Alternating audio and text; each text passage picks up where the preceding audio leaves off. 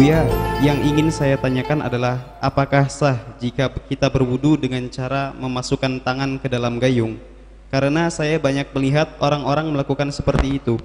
Lalu bagaimana juga tentang mandi junub yang menggunakan niat irtirof yang letaknya itu sesudah niat mandi junub sebelum sebelum menyentuh air? Ini kesalahpahaman sebagian orang menganggap bahwa air yang sedikit itu kalau kesentuh itu langsung menjadi mustakmal. Itu salah paham air mustakmal adalah air yang sudah digunakan untuk basuh yang wajib. Basuh wajah basuhan yang pertama yang netes itu adalah mustakmal.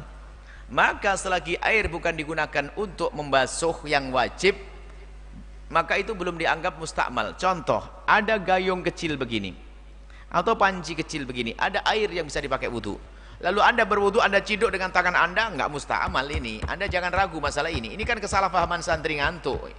Karena kerjaannya ngeliwat saja mungkin. Eh, itu bukan mustamal.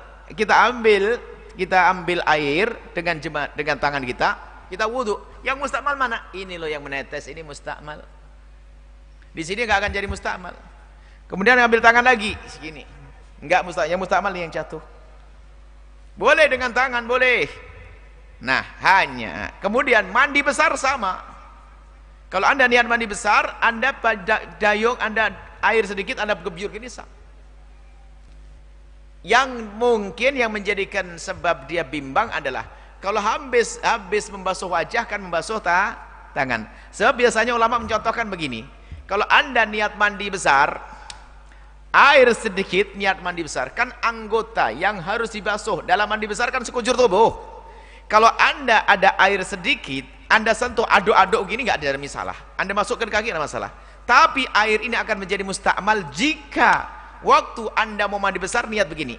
Aku niat mandi besar. Cilip. anda masukkan jemari lalu anda angkat. Mustakmal. Kenapa? karena sudah digunakan untuk nyuci bersih tangan. Sama di saat anda wudhu waktu giliran membasuh tangan kemudian waktu itu di, di panci kecil anda anda masukkan tangan. Niat membasuh tangan niat membasuh tangan baru anda masukkan anda angkat airnya jadi mustakmal. Cuman kalau anda niatnya untuk mengambil air itu namanya ikhtiraf tadi dari yang bertanya. Kalau anda niatnya bukan ingin mensuci, mensucikan tangan tapi niatnya mengambil nggak ada masalah. Yang penting niatnya bukan membasuh tangan di dalam gayung. Dayung bukan gayung? Gayung atau panci. Yang penting niat anda adalah bukan ingin membasuh di dalamnya tapi niat mengambil. Lah ikhtiraf itu niat ngambil. Jadi biarpun airnya sedikit anda boleh begini. Boleh. Yang penting niatnya niat ngambil bukan niat membasuh tangan. Tapi kalau anda niat basuh tangan menjadi mustakmal itu nanti. Karena apa? Waktunya anda membasuh tangan. Tapi kalau tidak niat untuk membasuh tangan anda aduk-aduk nggak akan jadi mustakmal.